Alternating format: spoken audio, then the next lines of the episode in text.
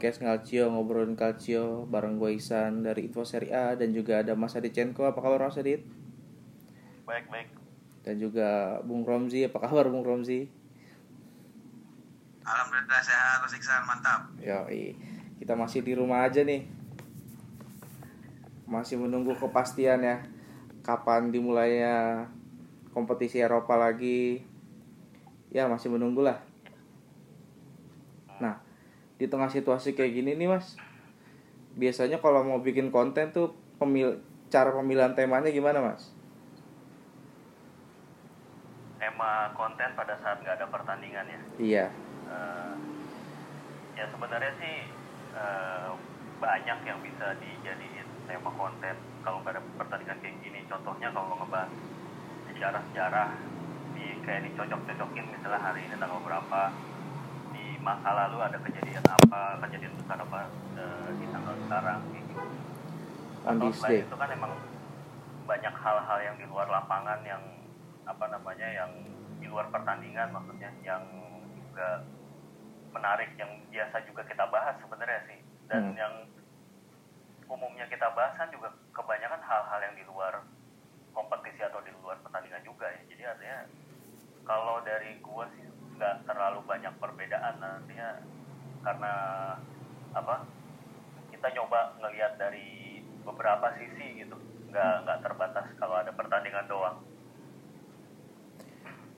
kalau lo gimana Rom?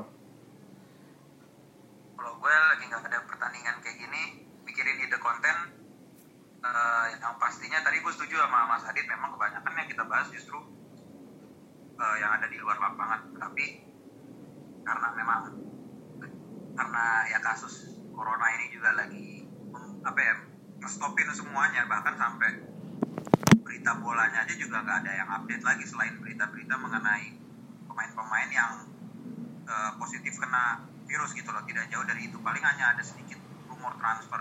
Jadi kalau gue paling kontennya yang lagi gue pikirin untuk buat gitu lah kayak match-match analisis aja sih. Terutama match-match yang kayak terakhir sebelum semua pertandingan ini dipospon ya terutama di UCL kan itu ada ada wakil Italia juga itu ada Atalanta yang terakhir main jadi kayaknya sih lebih kayak seru bahas analisis sih walaupun di luar di luar Italia sendiri maksudnya di luar Liga Italia sendiri hmm. kayak pertandingan Liverpool Atletico Madrid itu juga menarik untuk dibahas secara analisis jadi lebih ke kontennya lebih ke analisis sih sementara ini hmm. nah kalau misalnya kayak Mas Adit kan suka bikin review juga tuh. Review ya. pertandingan. Nah berarti kan merhatiin gimana jalannya pertandingan juga tuh. Sebenarnya nyambung ya kayak analisis juga ya. Nah ya lebih. ah, sudut pandang yang biasa Mas Adit ambil tuh dalam dalam menganalisa pertandingan gitu gimana Mas? Uh, ya biasanya sih kalau menganalisa pertandingan itu yang paling gampang ngelihat uh, line up dulu sama apa namanya uh, formasi sih. Uh, biasanya kalau habis kalau kita nonton pertandingan kan maksudnya kalau kita udah biasa nonton itu kita langsung bisa tahu ya uh, apa namanya ini tim kita ini pakai formasi apa lawan kita juga pakai formasi apa. Ya dan di situ uh, ya itu aja sih organik aja ya uh, bagaimana timnya itu bermain apakah formasinya emang benar-benar yang rigid hmm. ataukah emang kemudian uh, bergerak sesuai dengan nah tempo pertandingan dan segala macam itu sih ya pastinya gue analisa juga dan biasanya tuh momen-momen kunci terus ada juga nggak apa ya gue nggak biasanya sih gue nggak terlalu begitu merhatiin detail mengenai statistik ataupun kayak apa ya kayak misalnya positioning banget gitu positioning pemain karena kalau ngelihat di TV menurut gua agak sulit untuk mengamati position kayak misalnya jarak antar pemain dan segala macam hmm. Eh, nggak hmm. uh, segampang kalau nonton langsung di stadion kalau nonton langsung di stadion kan uh, kita tuh nggak tertuju pada bola ya artinya kalau di nonton TV itu kan yang disorot utama kan bola tapi hmm. kalau kita nonton langsung di stadion itu kan yang semuanya kita bisa lihat gitu jadi kita bisa lihat apakah pemain belakang atau pemain depan itu uh, bergeraknya itu juga bersamaan kayak gitu. Itu bisa lebih kelihatan. Jadi kalau gue cuma nonton siaran langsung di TV ya itu ya semungkin gue juga akan bahas itu. Tapi itu lebih banyak ke kayak trivia trivia mungkin kayak atau kayak misalnya uh, ada pencetak gol uh, siapa yang bikin gol nih di, di pertandingan tersebut. Hmm. biasanya gue bahas kayak kayak sekedar profil ataupun misalnya sisi lain dari itu pemain tuh kayak apa kayak kayak buat ini aja sih buat memperkaya pembahasan doang sih. Tapi terus terang gue juga bukan yang ahli-ahli banget soal taktik jadi makanya gue sih mencoba mengimbanginya dengan kayak bahas sejarah ataupun yang yang kayak tadi yang trivia trivia tadi sih paling. Hmm. lalu kalau lo gimana Rom? Sudut pandang lo ketika nyoba menganalisa pertandingan kalau gue ya itu sih salah satu keterbatasannya adalah uh, informasinya atau data informasinya ya lebih lengkap. Itu susah untuk kita cari. Contohnya kayak kalau menurut gue bikin analisa match gitu salah satu pertandingan itu kendalanya adalah kalau kita lihat highlight di YouTube atau bahkan di TV itu uh, kameranya uh, on ball semua. Yeah. jadi pergerakan. Nah pergerakan kamera itu ngikutin pergerakan bola. Hmm. padahal yang penting itu adalah uh, bagaimana pergerakan pemain lainnya yang yang bola atau bahkan ada di area yang bukan zona yang uh, zona passing dari bolanya itu sendiri lah maksudnya zona-zona yang jauh hmm. itu kan sebenarnya menurut gue itu justru faktor yang paling penting dalam analisa karena dari situ tuh bisa kelihatan kayak misalkan kayak kita perhatiin PSG under 19 nih contohnya gue pernah lihat sedikit highlightnya itu kan Thiago Motta kan dia, dia punya taktikal baru yang katanya bisa mengimprovisasi sebuah taktik dalam sepak bola lah katanya ada yang baru. Jadi kayak dia pakai formasi kalau nggak salah basic itu dia pakai 4-3-3 tapi pada saat dia menyerang itu benar-benar berubah jadi 2-7-2 itu kan nggak kelihatan sebenarnya kalau kita ngelihat kameranya on ball. Hmm. itu kan menurut gue jadi banget taktik yang jadi jadi kalau uh, kameranya misalnya anda ya kata gitu kita dapat entah itu di YouTube atau di mana ada highlight uh, bola atau setidaknya uh, full matchnya gitu itu tapi yang kameranya tuh stay aja tuh di atas gitu. Misalkan nggak nggak nggak ngikutin pergerakan bola. Jadi itu menurut gue justru lebih menarik. Karena kita perhatiin sendiri salah satu alasannya waktu itu sempat MU ketemu Barca ya dua musim lalu di Champion ya kalau nggak salah dua musim lalu. Itu gimana sih Solskjaer tuh bisa nahan Barca bisa nahan Messi terutama. Itu karena dia nonton pertandingan terakhirnya Barca dan dia nonton langsung di Camp Nou situ dia bisa ngebaca pergerakannya Messi. Itu kayak gimana sih kalau tanpa bola? Hmm. dan dia akhirnya bisa meredam walaupun akhirnya di leg kedua ya berantakan juga debutnya cuman menurut gue itu itu itu penting untuk melihat apa pergerakan pemain tanpa bola. Karena justru baru kelihatan yang namanya kejeniusan pelatih dalam uh, membuat sebuah build up play itu di lapangan itu dari pergerakan tanpa bola aja. Kalau menurut gue sih gitu. Nah kalau misalnya kita bahas tadi soal pergerakan tanpa bola ini kan banyak perdebatan juga soal pemain-pemain yang mungkin kita sering bahas juga Mas Adit ya pemain-pemain yang secara ya kalau kita nonton di di TV gitu nih pemain sebenarnya fungsinya apa nih tapi dia bisa punya harga tinggi terus bisa jadi dapat pujian banyak pun di luar juga yang jurnalis-jurnalis luar. Ya contohnya kayak Milinkovic Savic gitulah kalau Lazio ya yang pak yang paling high classnya di Italia itulah. Kalau soal apa pergerakan tanpa bola gitu. Dan ya pemain-pemain kayak kayak Dira atau si Matuidi di Juve itu kan termasuk juga. Terus ya kalau Milan mungkin siapa ya? Hakan kali ya? Kalau bola Hakan. Hakan sih sering main bola. Buat Benacer paling. Nah iya kayak Benacer gitu terus ya uh -uh. kalau Inter salah satu gelandang yang lumayan bagus tanpa bolanya sih kayaknya Vecino ya. Iya, ya. tiba-tiba uh -uh. dia bisa di posisi yang bagus gitu. Uh -uh. Itu.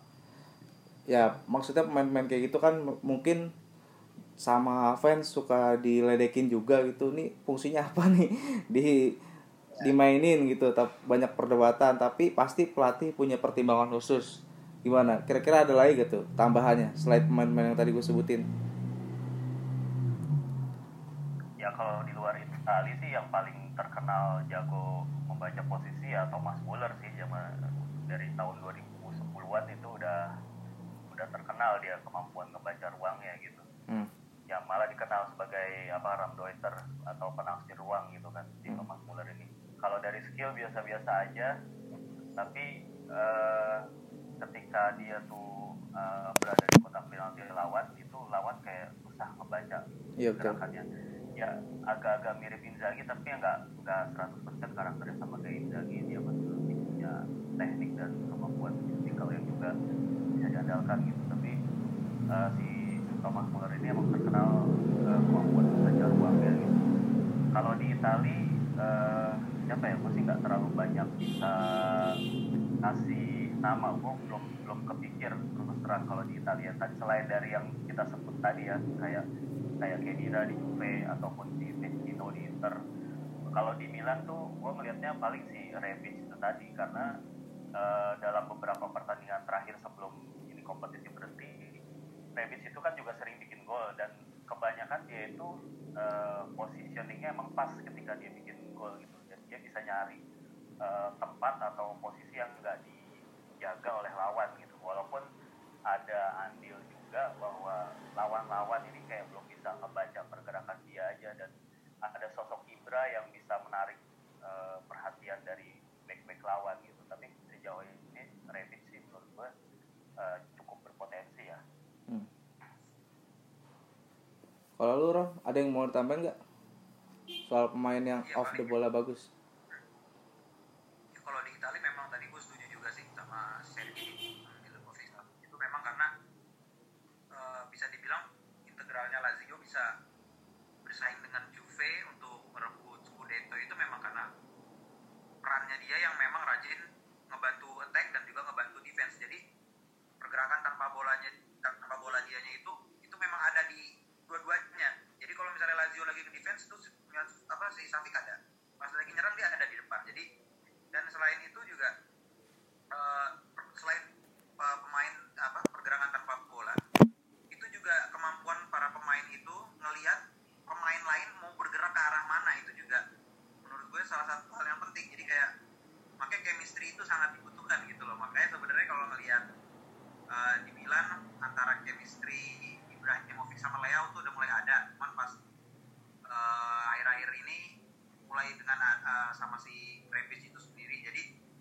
eh, visi makanya kalau gelandang-gelandang atau nggak pemain tengah yang modelnya kayak kita contoh lah Pirlo lah siapa sih yang nggak nggak bilang dia bagus gitu loh dia bisa mendikte tempo permainan dan dia juga bisa membaca pergerakan pemain apa pemain lain gitu kira-kira mau lari ke arah mana jadi passing-passing dia tuh memang bisa dibilang visioner arahnya gitu loh jadi pemain itu kayak lah ini orang udah tahu nih gue mau mau dipasing ke arah sini gitu loh kayak gue mau lari ke arah sini jadi udah tahu jadi menurut gue selain per- pemain itu bagus dalam pergerakan tanpa bola dia juga eh, bisa tahu gimana temennya itu mau mau lari ke mana mau mau ambil posisi di bagian mana gitu loh karena itu kan eh, apa buat ngalirin ngalirin bola ke depan sih pastinya Hmm. kayak gitu makanya kayak pemain-pemain kayak Vecino eh, mungkin passingnya eh, passing short apa apa short passnya mungkin banyak tapi kalau kita lihat direct direct passnya mungkin jarang tapi memang pasti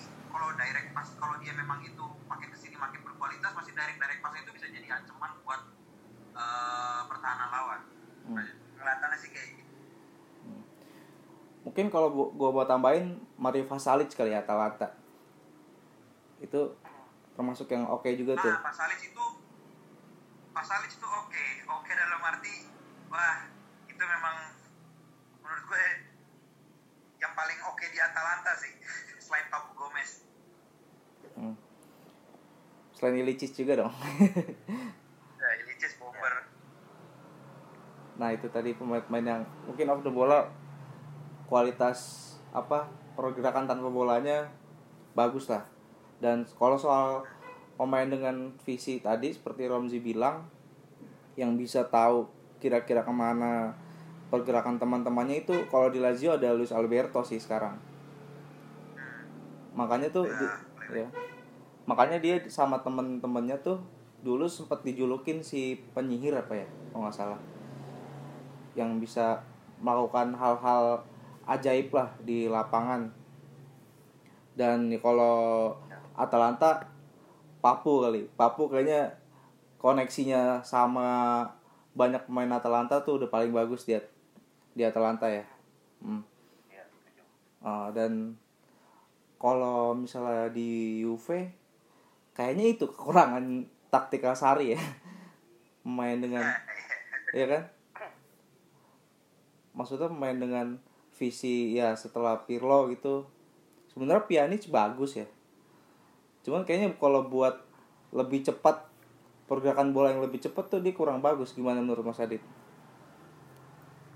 Ya emang eh, ini masalah di Juve di sisi gelandang ya karena dengan menempatkan pemain yang punya daya ofensif yang tinggi kayak Ronaldo dan Dybala di depan, otomatis dia harus tempatin gelandang-gelandang yang bekerja lebih berkarakter pekerja keras daripada gelandang yang punya visi gitu dan akhirnya dari sini kayak pemain kayak Matuidi itu juga dipasang terus gitu karena emang untuk mengimbangi gitu ya untuk eh, sebagai pemain yang ada eh, untuk memenangkan second ball ataupun kayak menggagalkan serangan lawan pada kesempatan pertama ya inilah yang dibutuh dibutuhin ya walaupun gantinya ya kreativitas sisi kreativitas dan juga kemampuan untuk membongkar inilah yang jadi agak-agak berkurang ya walaupun makin ke sini sih sebenarnya udah mulai ketemu gitu eh, chemistry-nya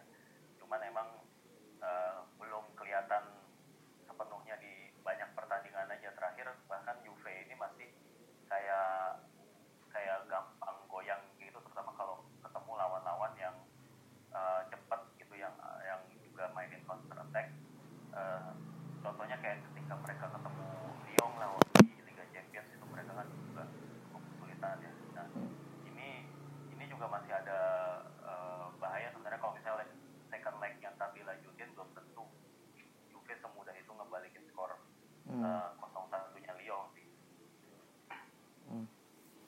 Kalau lu? Ya, kalau menurut gue memang sepak bola sekarang ini mulai memang kehilangan pemain gelandang yang punya visi seperti itu mulai banyak. Ya kayak Pirlo udah pensiun, Xavi pensiun Iniesta, cuman mungkin nanti bakalan ada lagi rising rising star berikutnya kayak sekarang mungkin udah kelihatan ada si Frankie De Jong di Barca.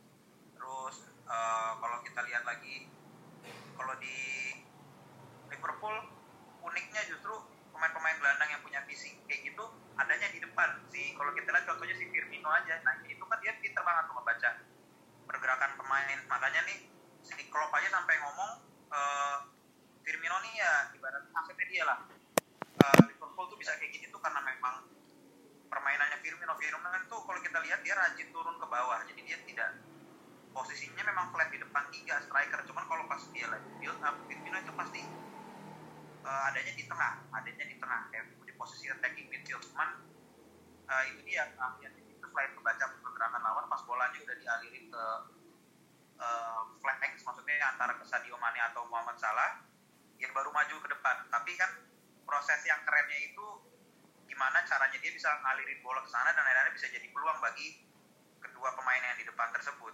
Hmm. menurut gua ya kayak gitu nah Juve sendiri memang belum tahu nih siapa penggantinya Pirlo. Walaupun sekarang kita lihat si Ramsey udah mulai makin bagus mainnya. Terakhir-terakhir ini sebelum match di postpone dan memang tipikalnya Sari juga Sari Ball itu memang juga masih mengandalkan harus mengandalkan pemain sayap sih. Kalau gue lihat sekarang ini ya dengan mereka belum punya kualitas eh pemain yang berkualitas seperti Pirlo di lini tengah. Hmm. Ya, apalagi Sari dalam beberapa tahun terakhir kan bergantung sama Jorginho ya. Pem- pemain yang enggak dia punya di Juve. Nah, kalau misalnya sen- Jorginho sendiri sama pemain apa banyak orang-orang pecinta Liga Inggris kan jadi perdebatan juga tuh si Jorginho ini kualitas asisnya kurang gitu misalnya. Atau golnya cuma dari titik putih aja kebanyakan. Sedangkan banyak pundit juga yang membela Jorginho ini.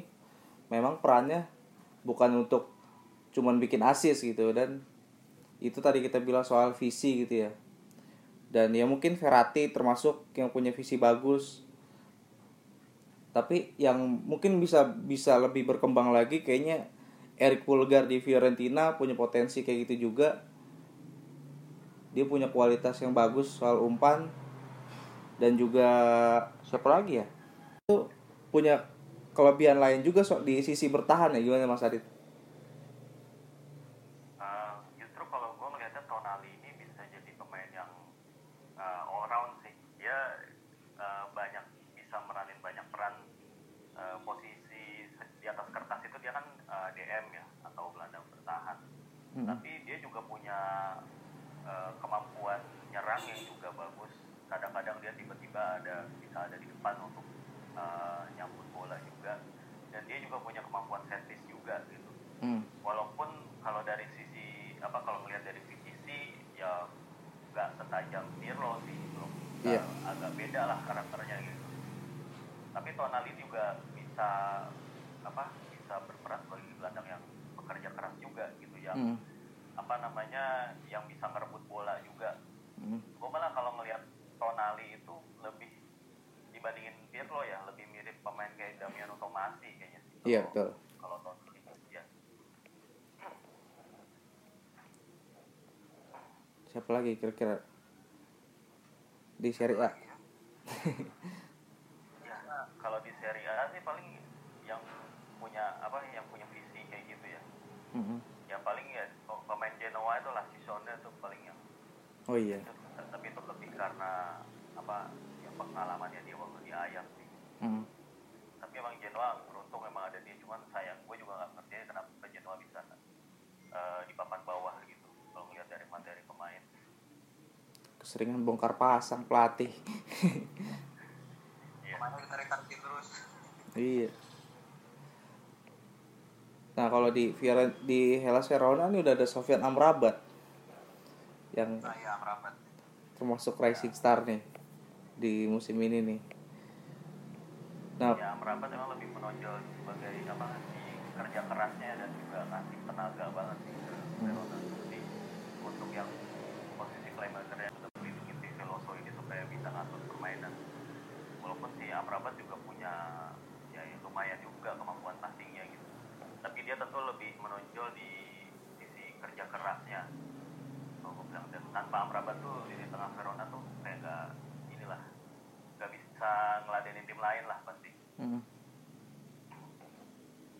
kalau gue lihat Amrabat itu memang justru miripnya karakternya kayak antara Nigel de Jong atau Van Bommel ya emang jalannya buat bentur-bentur kayak gitu jadi makanya waktu dia pas lagi ketemu Milan tuh ya pas dia kena kartu merah gue langsung udah gak ada pilihan lain dia selain ngandelin counter attack hmm. ya. karena memang si nggak ada yang ngelindungin pemain-pemain yang ada di tengah jadi memang tugasnya dia tuh kayak gitu ya sebagai defensive midfielder ya. Maksudnya memang memang untuk menjaga area depan pertahanan gitu loh dan menjaga uh, bagaimana keseimbangan pemain di tengah. Jadi pas dia kehilangan eh sorry pas Veronanya maksudnya kehilangan Amrabat ya mereka kehilangan kalau menurut gue ya jantung permainannya.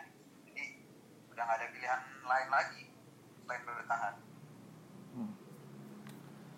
Oke itu tadi soal main-main dengan karakter yang cukup menarik ya. Kalau misalnya dari sisi pemain bertahan ini kan pemain bertahan juga udah udah mulai berevolusi ya perannya. Dan yang salah satu yang menarik di musim ini ada ACRB terus siapa lagi ya? Kalau di Atalanta kayaknya Palomino lah Palomino itu udah lumayan sentral dan ya karena Atalanta bermainnya bertahannya udah jauh banget gitu maksudnya dari garis mereka sendiri kadang-kadang Palomino tuh ngelakuin tackle tackle di area lawan yang yang sering gue lihat. Dan ini kan maksudnya udah berbeda banget itu pergeseran peran-peran pemain bertahan gitu. Dan yang yang masih yang masih menggunakan teknik-teknik lama kayak kayaknya udah jarang juga ya back back zaman sekarang ya. Kira-kira siapa mas Adit?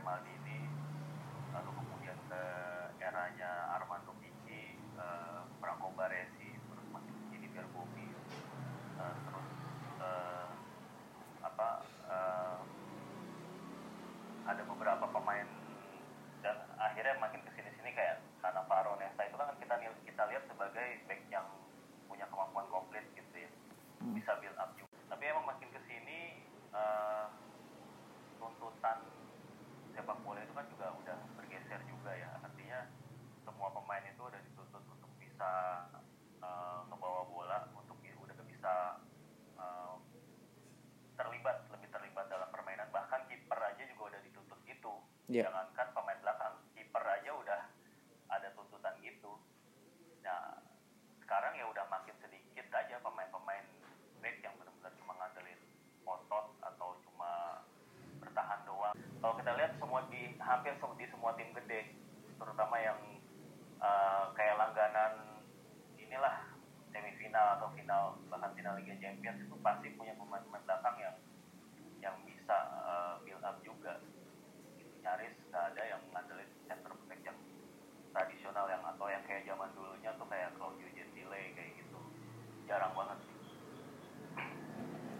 Eh, Rom gimana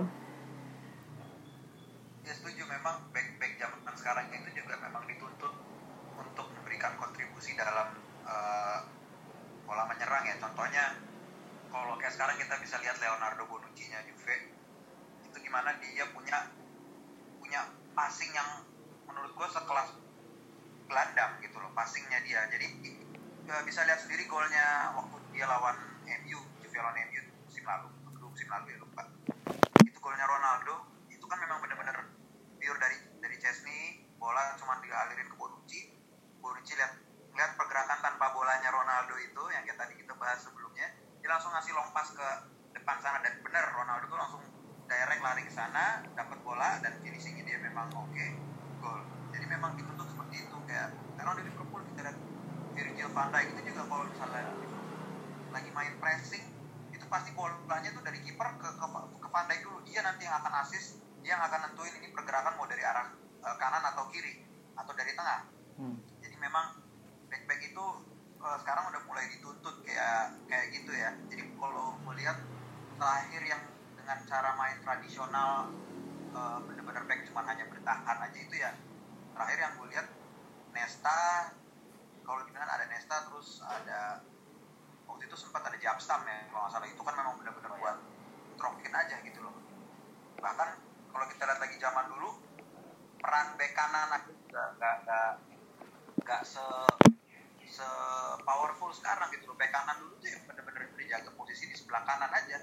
Karena zaman dulu masih banyak formasi yang mengandalkan uh, classic winger. Jadi menurut gua itu perbandingan yang sama. Jadi antara back zaman dulu sama zaman sekarang beda maksudnya. Dari seluruh posisi bahkan back kanan back kiri aja sekarang sudah bisa uh, ikut bantu menyerang. Uh, dan back tengah juga nggak heran uh, udah apa dituntut untuk bisa uh, ber- berkontribusi dalam uh, menyerang gitu loh. Bahkan kiper juga sekarang ada istilahnya sweeper kiper tuh. Kayak Ter Stegen Neuer. Kita lihat Ederson itu kiper-kiper yang berani memang dituntut untuk ikut dalam short pass permainan gitu loh segala macam posisi mereka itu aja dituntut keluar apa keluar dari kotak penalti kalau tim lagi menyerang. Jadi memang tidak hanya back atau kiper itu zaman sekarang tidak hanya ngedok di posisinya aja yang kerja dari gelandang ke depan. Karena memang eh, tuntutannya sekarang adalah bola selain selain memang mereka sendiri punya achievement untuk gelar tapi mereka juga dituntut untuk bermain atraktif. Jadi salah salah satunya you know, apa perkembangan taktiknya ya kayak gitu. Back juga harus passing baca permainan bahkan kalau bisa juga gitu iya Ya betul. ya, ya. tadi juga nyambung apa nyambung soal fullback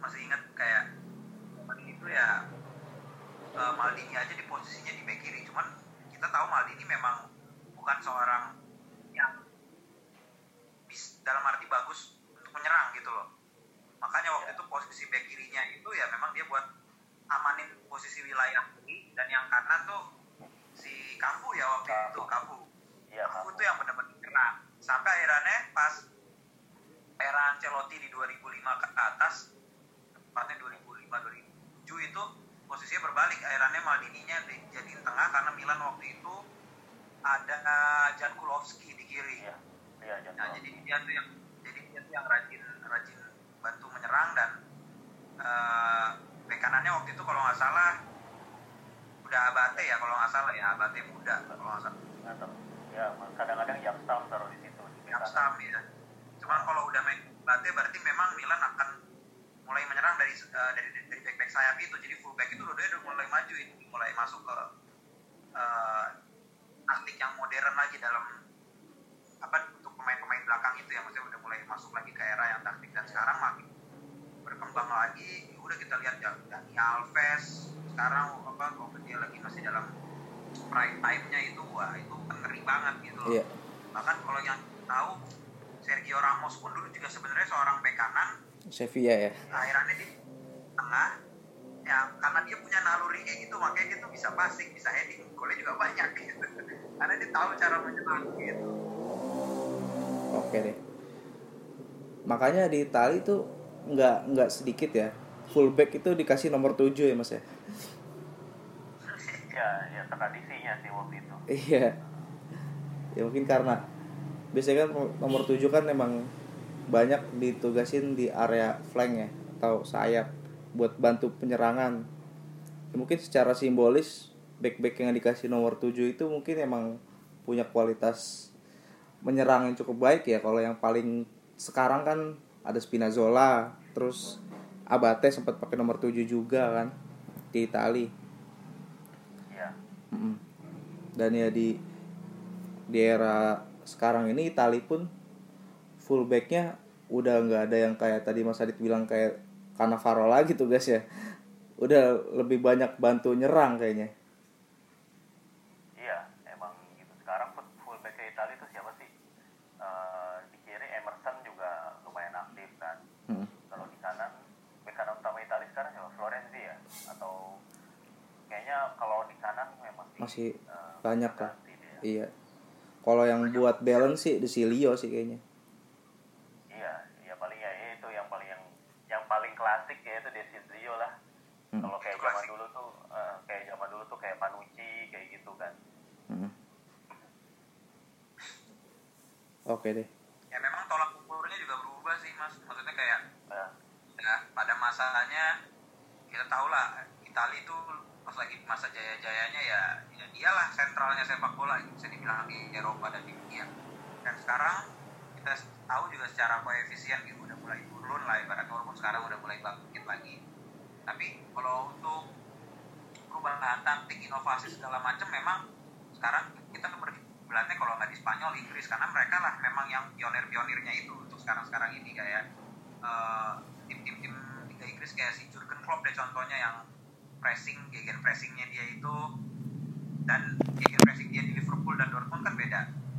Jadi kalau kita lihat ya inovasi inovasinya memang Italia itu sendiri memang harus mulai menyerap dari sana dulu gitu loh. Cobalah contoh taktik-taktik kayak Jurgen Klopp yang ada di dua fullback kayak gitu kan. Sekarang lihat di Serie A belum ada yang benar-benar bisa uh, pakai taktik dua back dua back apa dua fullback itu pun benar-benar aktif menyerang dua-duanya ya bukan satu doang gitu loh hmm. kalau yang kita lihat di Italia sekarang cuma di ganti-gantian nanti uh, nanti yang kanan dulu nanti kalau udah dapat bola lagi ganti ke kiri kalau kita lihat Liverpool tren Alexander Arnoldnya lagi di kanan maju Robertson juga ada di pada sebelah kiri jadi dia juga bisa gampang ngelem apa long ballnya itu langsung ganti direct haluannya gitu jadi bisa dari kanan ke kiri mereka nggak butuh lagi passing ke belakang tinggal langsung direct ke atas gitu langsung ke flanknya hmm.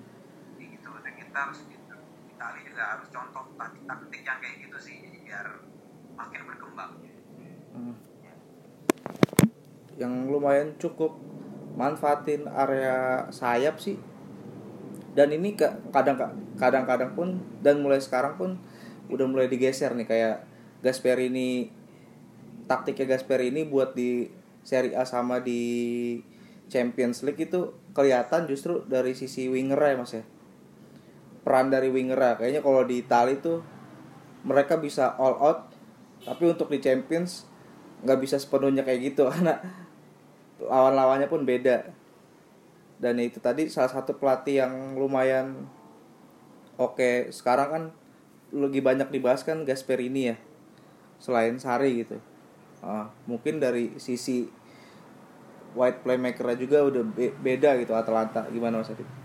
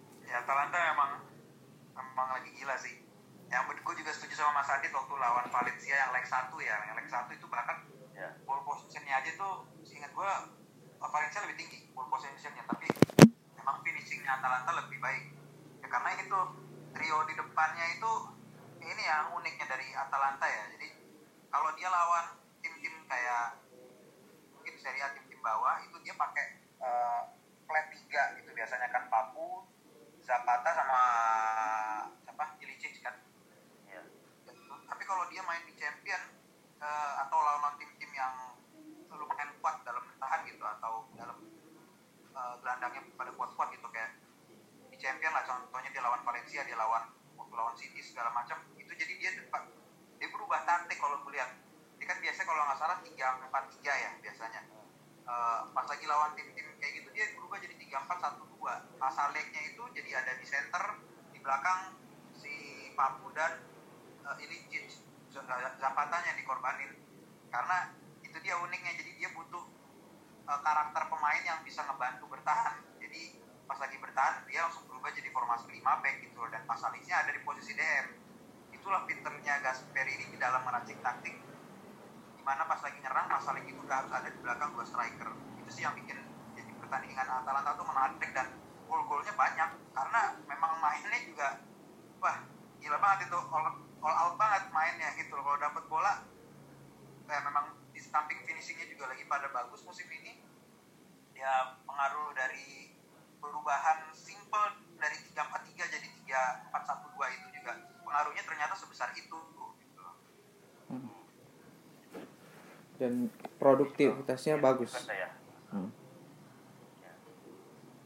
ya mirip juga sama adaptasinya waktu itu. Kalau musim lalu itu Ajax Erik Ten Hag itu kalau nggak salah waktu kalau pas mereka lagi bisa sampai ke semifinal itu itu posisinya Dusan tadi itu sebenarnya kan bukan striker.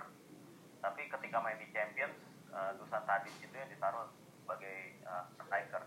Bahkan tim uh, ya tim-tim seperti itu juga melakukan adaptasi dan bahkan sekelas yang sekelas Real Madrid juga ada uh, apa namanya kayak ada adaptasi juga waktu zamannya Ronaldo masih di Madrid gitu ya itu waktu itu Zidane yang waktu pas mereka menang Champions League itu uh, banyak nyimpen Ronaldo di pertandingan La Liga supaya dia itu fit di Liga Champions gitu. artinya ya memang untuk uh, menangin kompetisi sekelas Liga Champions emang butuh yaitu butuh kekayaan taktik dan juga butuh materi pemain yang yang emang apa ya yang emang mampu apa mumpuni lah yang menunjang gitu untuk bisa melaju sejauh mungkin di Champions League gitu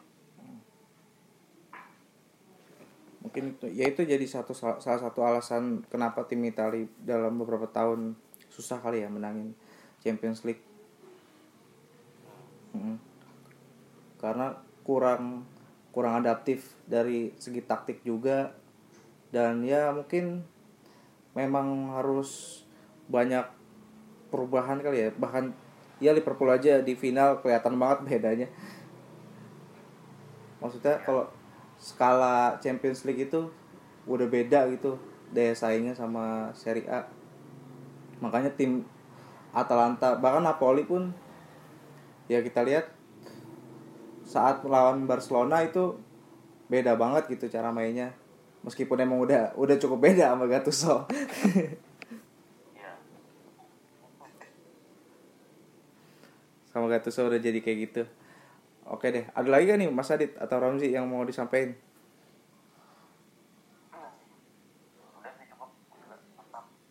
Udah ya?